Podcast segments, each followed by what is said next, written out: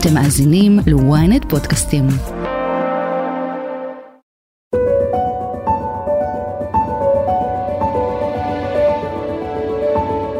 ההודעה של אילון מאסק על ההשתלה הראשונה במוח אנושי של השבב שפיתחה חברת הסטארט-אפ שלו, נוירלינק, עוררה עניין נרחב, ובעיקר העלתה תקווה בקרב נכים. The tech billionaire Elon Musk is saying his Neuralink company has successfully implanted one of its wireless brain chips in a human for the first time. נכון, זה נשמע ממש כמו נס, להחזיר יכולת פיזיולוגית מלאה למישהו שסובל מקטיעה באיכות השדרה, אבל אולי זאת תהיה המציאות שלנו בעוד כמה שנים. אז מהו אותו שבב? איך זה עובד בפועל? מהן הסכנות? ואיזה עולם והזדמנויות חדשות זה פותח בפנינו? אני יוסי פישר, וזאת הכותרת. דוקטור עדי אולמר יניב, נוירוביולוגית ממכון דוידסון לחינוך מדעי, שלום. שלום יוסי. תשמעי, אני מכיר אנשים שיש להם אה, נזם, עגילים, קוצב לב, אפילו כאלו שהם החליפו להם ירך או ברך, או... הכל מאוד מאוד מתקדם, אבל שתל מתחת לגולגולת זה נשמע כבר מאוד בדיוני, מודה, דברים שלא שמענו עד עכשיו. בואי תנסי לתאר לנו איך נראה שתל כזה, איפה הוא יושב בכלל. אה, אז השתל שעליו אנחנו מדברים, שפיתחה חברת נורלינק אה, בבעלות אה, המיליארדר אילון מאסק, הוא שתל מאוד קטן, הגודל שלו זה בערך כמו מטבע, ובעצם הוא מכיל מספר דברים, הוא מכיל מעל אלף אלקטרודות, 1024 אלקטרודות שהם פשוט סיבים דקים דקים ממש בעובי של שערה, שבעצם מקליטים את הפעילות החשמלית של uh, התאים במוח שלנו, הוא מכיל גם מעבד ורכיבים שהתפקיד שלהם הוא בעצם לשדר את האותות האלה החוצה, והוא כמובן אמור להיות עטוף באיזשהו חומר שמתאים לסביבה הפיזיולוגית של הגוף שלנו, כדי שהוא לא יידחה על ידי הגוף. אנחנו יודעים שהמטרה של השתלים הללו היא בעצם לתקן מצבי נכות, אבל איך זה עובד בפועל? איך פועלת הטכנולוגיה הזו של אה, נוירלינק? אז המטרה המוצהרת שלהם היא באמת אה, לסייע לאנשים שסובלים אה, מנכויות, לסייע להם לתקשר ולתפקד אה, באופן עצמאי. בציוץ שלו ברשת אה, X, טוויטר, אה, אילון מאסק כתב, דמיינו מה היה קורה לו סטיבן הוקינג, המדען הידוע, היה יכול לדבר אה, במהירות כמו אה, אנשים שעושים אה, מכירה פומבית או לכתוב כמו קלדנית בבית משפט, איזה רעיונות היינו מקבלים, אבל בעצם הטכנולוגיה הזאת אינה טכנולוגיה חדשה, כבר משהו כמו 20 שנה יש ניסיונות שונים גם בבעלי חיים וגם בבני אדם, להקליט את הפעילות המוחית ולהבין דרכה מה האדם או בעל החיים רוצה לעשות ובעצם לאפשר כך להפעיל אה, מכשירים אה, חיצוניים. איך המחשבות האלו מתורגמות לפעולות בשרירים? אז כשאנחנו רוצים לבצע פעולה מסוימת, אה, פעולה מוטורית של השרירים, נאמר להרים את יד ימין שלנו, יש אזור במוח שבעצם אחראי על הפעולות ביד ימין. התאים שם מתחילים לפעול. כשאני אומרת לפעול, זה אומר שהם מתחילים לשלוח אותות חשמליים. אותות חשמליים זו הדרך של אה, תאי המוח שלנו לתקשר זה עם זה ולהעביר מסרים.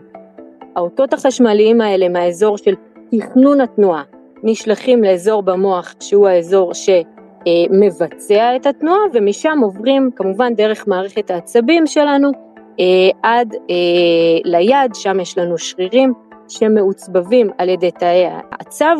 התאים האלה שוב על ידי האותות החשמליים מגרים את השריר והשריר שלנו מתכווץ ואנחנו אה, מזיזים את היד.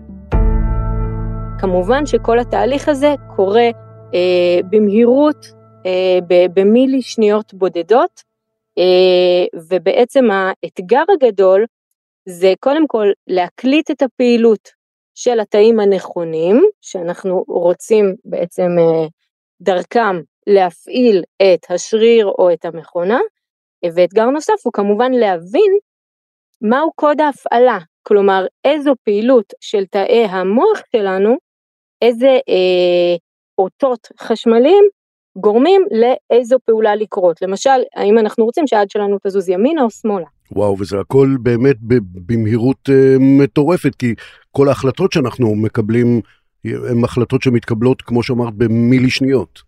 נכון מאוד, הרזולוציה בזמן היא מאוד מאוד uh, מהירה, uh, אבל שוב, האתגר האמיתי הוא בעצם לנסות ולהבין את הקידוד הזה, איזה פעילות של איזה תאים בעצם גורמת ליד שלנו לזוז ימינה, לזוז שמאלה, ובמקרה של uh, מה שמנסים לעשות בחברת נורלינק, כשמדובר באדם uh, משותק, הוא לא יכול להזיז את היד, אז אנחנו רוצים, על סמך הפעילות המוחית בלבד, להבין מה הייתה הכוונה שלו ולאפשר אה, איזושהי תנועה בעולם של אה, טלפון, של יד רובוטית, של סמן של עכבר. אנחנו מסתכלים על הניסוי הזה כאיזו פריצת דרך גדולה. אבל בסך הכל יש הרבה חברות שעשו כבר אה, דברים כאלה אה, לפני, לא? הרי מה החידוש של מאסק כאן? אז קודם כל, מבחינה מדעית, אין פה אה, חידוש מאוד גדול, ניסיונות כאלה היו כבר באזור שנות האלפיים, כלומר לפני 20 שנה, כבר היו אה, קופים למשל שיכלו לשלוט או שוב להשתמש באותות המוחיים שלהם כדי להזיז אה, סמן על מסך, כדי להזיז יד רובוטית, היו מספר ניסיונות כאלה גם אה, בבני אדם. החידוש של מאסק ושל חברת נורלינק הוא שהם טוענים שהשתל שלהם בעצם פועל באופן אלחוטי. אין פה איזה מערכת מסובכת ומסורבלת של אה, חוטים, אלא אה, האותות משודרים החוצה מהשתל אל המכשיר שצריך לקלוט אותם, יכול להיות שזה יהיה הטלפון, אה, וכאן באמת יש אה, כנראה איזשהו חידוש אה, טכנולוגי. אבל אה, הרעיון עצמו של קריאת אותות חשמליים ושימוש בהם איננו רעיון חדש, וחשוב לציין שיש גם הרבה חברות אה, נוספות שעובדות על פיתוחים דומים אה, ונמצאות בכל מיני שלבים של ניסויים, לרוב זה בבעלי חיים, יש מעט בבני אדם. מי אלו באמת המתחרים של אה, נוירלינק בתחום הזה של השתלת שבבים במוח?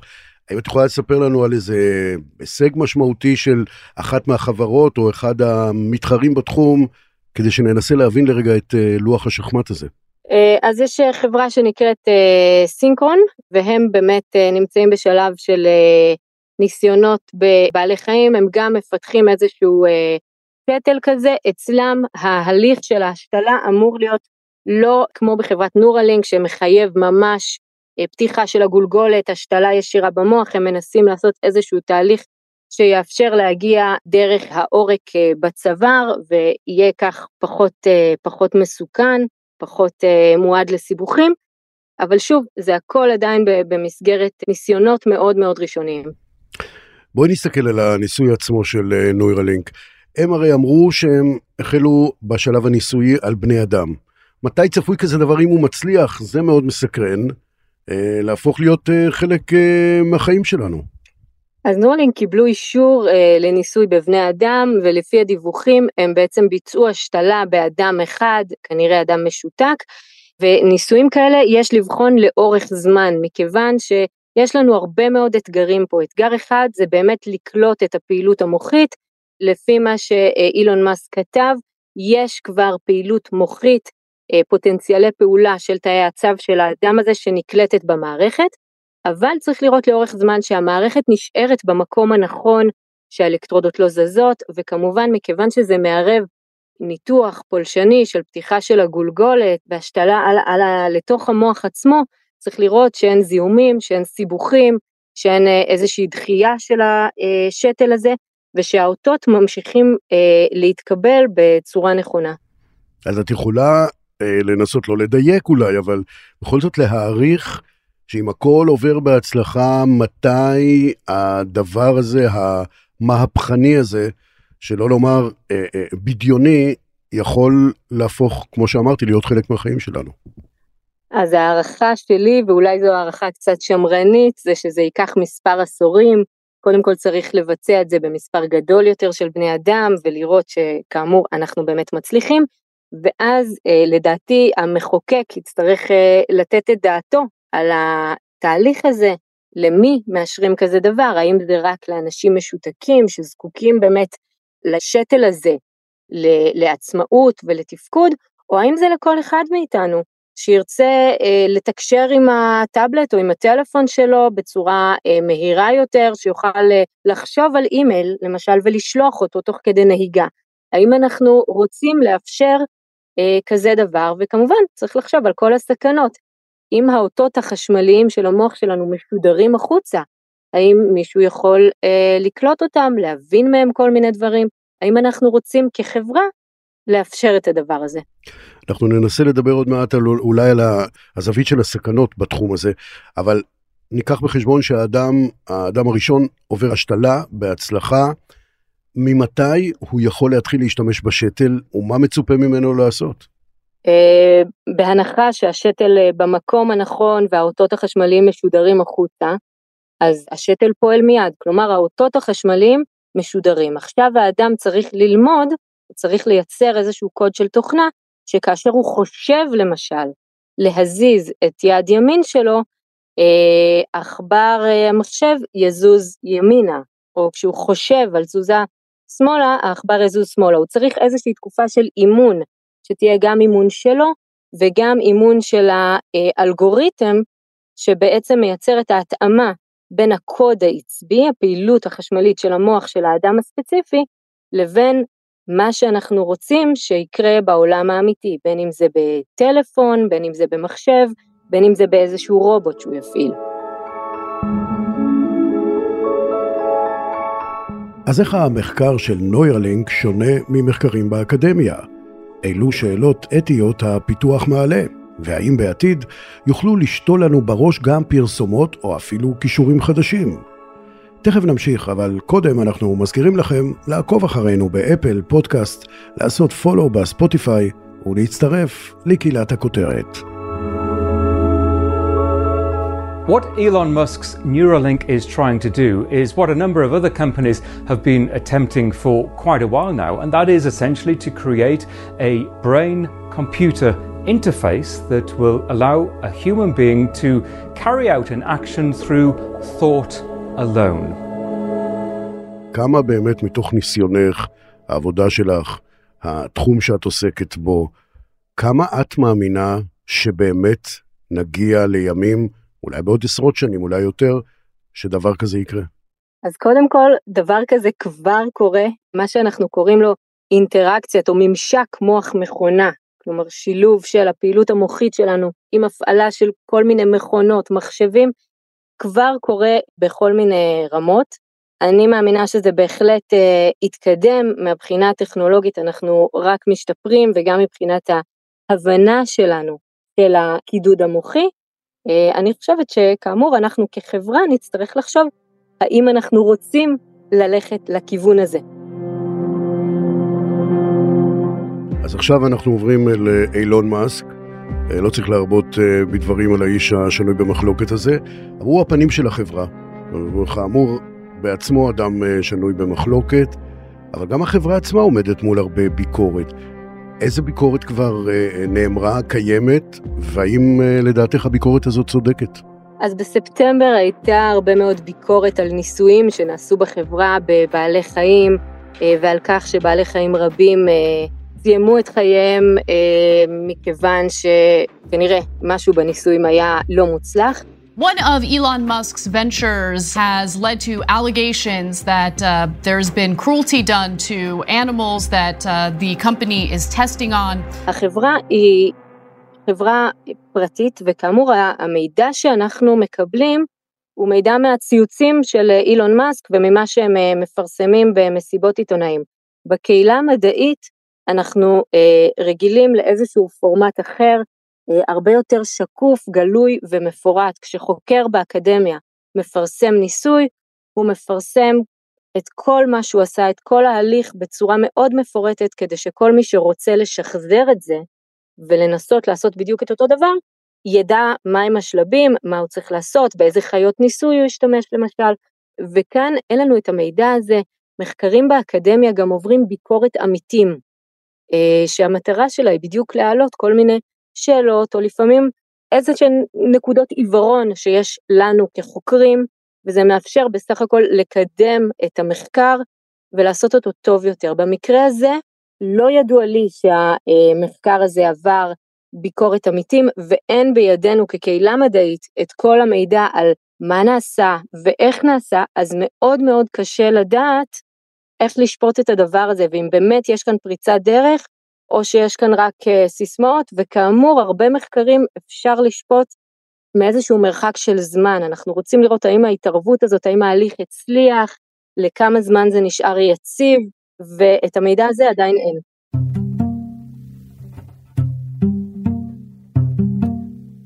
בלוטוף זה החידוש של מאסק בנושא הזה, שזה אותה טכנולוגיה שאני משתמש בה כולנו ביום יום כדי להתחבר מהטלפון הנייד לרכב, לשמוע מוזיקה או פודקאסטים. אין פה סכנה של פריצה בטכנולוגיה הזו? איך מוודאים שלא ישתלטו לי על החיבור לשתל, או שזו סכנה שמעתה תרחף על כל אלו שיהיה להם אה, שתל? זו שאלה מצוינת, והחברה תצטרך לבוא ולהסביר איך באמת הם מעבירים את הנתונים ואיך הם דואגים להגן על המטופלים.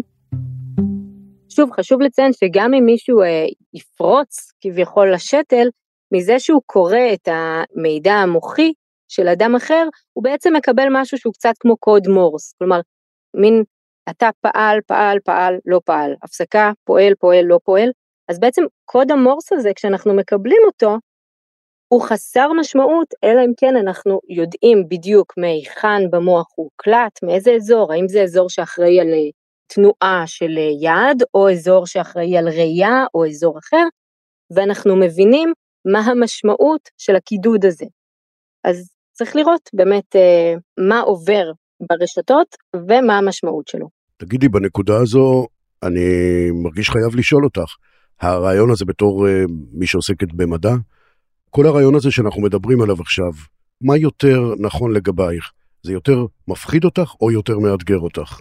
עם כל הסכנות שיש. אני חושבת שזה מאוד מאתגר, אנחנו כמדענים מונעים על ידי אה, סקרנות, וזה מאוד מעניין לדעת אה, מה יהיה, וזה באמת פותח אה, פתח אה, לעזור להרבה מאוד אנשים שעקב אה, תאונות או מחלות כלואים בגופם ולו יכלו לתקשר בצורה יותר יעילה, יותר אפקטיבית, זה היה מאוד מאוד משפר את איכות החיים שלהם.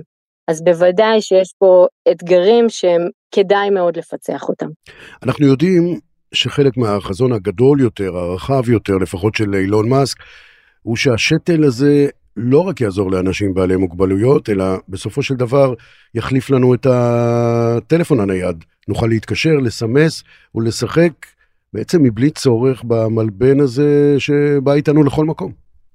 אה, נכון מאוד, זה, זה בהחלט החזון שלהם, לזה אה, אני באופן אישי אה, פחות שותפה, אני מאמינה שאנשים רבים אחרים גם לא בהכרח ירצו את האינטגרציה הזו, את האיחוד הזה עם הטלפון הנייד או עם מכשירים חכמים אחרים, ופה שוב זה המקום שלנו כחברה לבוא ולשים את הגבולות ולתת את הדעת האם הפיתוחים המדעיים משרתים אותנו או לא, ולעשות אה, בחירות מושכלות. אם אנחנו מדברים ודיברנו על ההצלחה של אה, ניסוי כזה, איזה עולם זה פותח בפנינו? האם בסופו של דבר יכול להיות שכל אחד מאיתנו, ברבות הימים 100-200 שנה מעכשיו, יתחיל להסתובב עם שתלים בראש? זה בהחלט יכול לקרות ויש אנשים שמאמינים שאכן לשם אנחנו צועדים, שזה בעצם השלב הבא באבולוציה, מה שאילון מאסק בחזון שלו חותר אליו, זה בעצם uh, איזושהי הגברה uh, של האינטליגנציה הקולקטיבית של כל האנושות על ידי באמת שימוש ביכולות של אה, מחשבים, של מעבדים, של כל מיני יחידות כאלה שהתחברו למוח המאוד מאוד משוכלל שלנו, ואולי יוכלו לסייע לנו לעשות דברים יותר מהר, יותר טוב, בקנה מידה גדול יותר, אבל עוד באמת חזון למועד, ושוב, זה ניסוי אחד באדם אחד, uh, שקרה לפני זמן מאוד קצר, ואנחנו uh, נוכל לבחון הצלחה או אי הצלחה רק בפרספקטיבה רחבה יותר של זמן. אני רוצה לסיים ב... את הדברים הכל כך מרתקים האלו בשאלה אתית. ובעובדה שמדובר בסך הכל בחברה מסחרית, אנחנו מכירים את האיש מאחורי החברה הזאת, השתל הזה שכל כך חשוב לחייו של מושתל, מבחינה רפואית, מדעית, שייך לחברה שהאינטרס הראשון שלה זה רווח. נכון מאוד, יש פה שאלה אתית אה, מהותית, יש פה שאלה גם אה, מה קורה אם החברה נסגרת אה, בגלל סיבה כלשהי, אה, מה קורה לאדם הזה שיש לו בעצם במוח איזשהו שתל שלהם, האם הוא מקבל איזושהי תמיכה, בהנחה שהוא מסתובב כך אה, להמשך חייו. יש פה הרבה מאוד שאלות שהרגולטור יצטרך אה, לענות עליהן. או למשל, אני, אני לוקח את זה בדמיון שלי להשתלת אה, פרסומות סמויות לתוך השתל הזה, השבב הזה. וואו, פה אתה כבר נכנס ל, אה, לנושא מאוד שנוי במחלוקת, ופה אתה בעצם מדבר על הכיוון השני. עד עכשיו דיברנו על קריאה של אותות מהמוח ומתן אה, יכולת אה, תזוזה או דיבור דרך אה, טלפון או מחשב לאנשים משותקים. אם אנחנו מדברים על הכיוון השני, זה אומר לקחת מסר חיצוני ולהכניס אותו פנימה אל תוך המוח שלנו, זה באמת יכול לפתוח אפשרויות מלהיבות, כמו בוא אני אה, אכניס לך איזשהו קוד ואתה תדע שפה זרה, למשל בוא, בוא תדע ספרדית בלי להתאמץ, בלי לתרגל, בלי אה, לשבת וללמוד הרבה מאוד שנים, אז זה יכול להיות מצד אחד באמת מדהים, ומצד שני, כמו שאתה אומר, מאוד מאוד מפחיד, שנוי במחלוקת ובעייתי מבחינה אתית, אבל באמת אנחנו עוד לא שם. דוקטור עדי אולמר יניב, נוירוביולוגית ממכון דוידזון לחינוך מדעי, תודה רבה לך. תודה רבה. ועד כאן הכותרת להפעם. אם עדיין לא נרשמתם לעקוב אחרינו באפל או בספוטיפיי, כדאי לכם. אתם מוזמנים לדרג אותנו או להגיב לנו, אנחנו ממש נשמח לקרוא. את הכותרת אפשר למצוא גם באתר ynet או באפליקציה בנייד וברכב. אם הגעתם עד פה, אתם מוזמנים להאזין לפרק נוסף שלנו על עוד אדם שנוי במחלוקת, אבל אוהב ישראל. חפשו את הפרק לא כל ישראל, הנשיא היהודי של ארגנטינה. תחקיר, הפקה ועריכה גיא סלם ועדן דוידוב, אני יוסי פישר, וזאת הייתה הכותרת.